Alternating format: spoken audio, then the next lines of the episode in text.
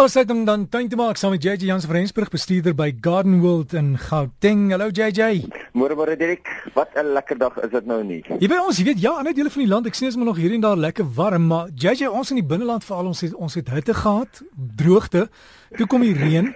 Nou het ons bossies en ek het net in die week met my een buurman gepraat en en hom op 'n mooi manier probeer oortuig om sy indringer lantana wat eintlik 'n onkruid is uit te haal en hy het ook een van daai topianas vir hulle maak daai helikoptersaadjies.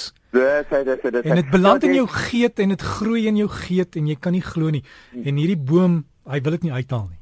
Nee, jy het 100% reg. Jy het vergeet nou net na al die reën toe kom al die haal ook en hy slaan meeste van die Wesrand weg. So ons het tog al ons was beproef gewees hierdie jaar al deur die weer, was dit nou nie. Maar as jy sê Driek, ongelukkig is dit nou 'n probleem veral as jy nie na jou indringerplante en jou onkruide kyk nie. Weet jy, so baie plante is op hom besig om saad te skiet. En baie van daai plante is plante wat jy wel wil hê en baie van dit is dit saad wat jy wel wil oes en jy wil dit weer gebruik, jy wil dit weer saai en plant en wat ook al. Maar net so is jou indringers en jou onkruide ook aan die saad skiet. En as mense nou daarmee gaan plan maak nie, gaan 'n mens ongelukkig volgende jaar twee keer soveel probleme hê. Nou vra mense, hoekom is daar so indringerplante? Ek meen as 'n lantana blom is dit eintlik 'n baie mooi blom. Nie net is hy giftig vir baie van jou wild nie, maar ook is dit die tipe van ding wat ons natuurlike woude inneem en oorneem en ook al ons water gebruik. Onthou, ons is 'n waterskaars land. En as ons hier gaan begin kyk na ons water en as ons hier gaan begin kyk na die indringerplante wat daar nie in die area moet wees nie, dan gaan ons probleme optel later van tyd met water en eintlik binnekort nie eens later van tyd nie. Gelukkig op oomblik is daar se inspekteure wat deurgaan dan die kwekerye toe om te kyk watter indringer indringerplante verkoop die kwekerye wat hulle nie mag verkoop nie. Jy weet daar is 'n lys van omtrent so 200 indringerplante en ons moet maar probeer om van dit ontslae te raak in die regte areas. Onthou baie plante is net indringerplante in sekere gedeeltes van die land. So jy hoef ook net deur te gaan en net al die indringerplante uithaal as dit nie 'n indringer in jou gedeelte van die land is nie. So gaan kyk seker uit daarvoor voordat jy net van hulle ontslaa raak.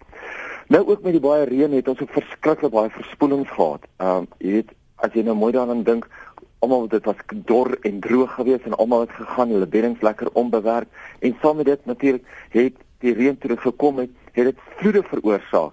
En 'n mens moet nou baie versigtig wees om nie areas waar daar verspoelings kan plaasvind, daai bedding so los te maak dat die water eintlik al die grond ook kan wegwas nie. Probeer om net deur lug as dit nodig is, probeer om net 'n vurk in te steek en net eenvoudig daai kors te breek of die eintlike grond onder toe net effens te breek, maar moenie die grond omspit in areas waar die water wel die grond gaan wegwas nie. Jy gaan opeindig met al jou boergrond in jou bure se se erf nie meer in jou erf nie. Daar's ook geweldig baie water wat vandag afval. Baie mense het deesdae geete op hulle dakke. Ek sien in al hierdie nuwe ontwikkelings, mense sit nie meer geete op dakke nie. En dan het mense 'n probleem met daai water wat eintlik konstant in rye reg rondom die huis afval. Nou daar wil jy 'n probleem hê waar die water wel bymekaar kom en afval en die grond verspoel of die plante wegwas. Probeer eerder om miskien 'n paar klippe of iets van daai aard daar te pak wat wel die mag van die water kan hanteer. Daai val van die water kan hanteer dit eweredig kan verbreek en dan ook kan versprei in die beddings in. Want onthou, sodra daai water se spoed net eers gebreek is en dit versprei in die beddings in, gaan dit eintlik vir jou baie meer beteken. Die laaste enetjie vir vandag is malvas. Mense sukkel geweldig met hulle malvas op die oomblik, want baie mense weet nie eintlik waar moet 'n malvas wees nie.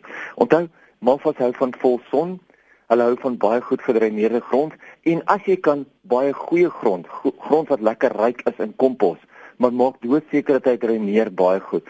Sodra 'n malva te veel water kry, veral as hy in water staan of as hy konstant water op sy blare kry, gaan jy 'n probleem hê dat jou malva gaan fungusse ontwikkel en pasop dan dat daai fungusse nie deur die plant versprei en die hele plant affekteer nie.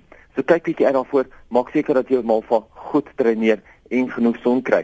En as hy al 'n rukkie oud is, 'n paar maande, 'n paar jaar oud is en hy's lank en benerig, sny hom lekker kort terug. Hy gaan weer vir jou bos, hy gaan weer vir jou pragtig blom. En JJ, as jy die malvas wil vermeerder, hulle sê mos jy breek hom af, los hom net so in die son of sommer net buitekant vir 'n dag, druk hom dan in die grond, dan groei hy. Baie baie maklik. Dit is eintlik een van die maklik maklikste plante om te vermeerder en ek weet nie hoekom met ons nie almal meer meer van hulle na tuine nie, want hulle is so waterwys.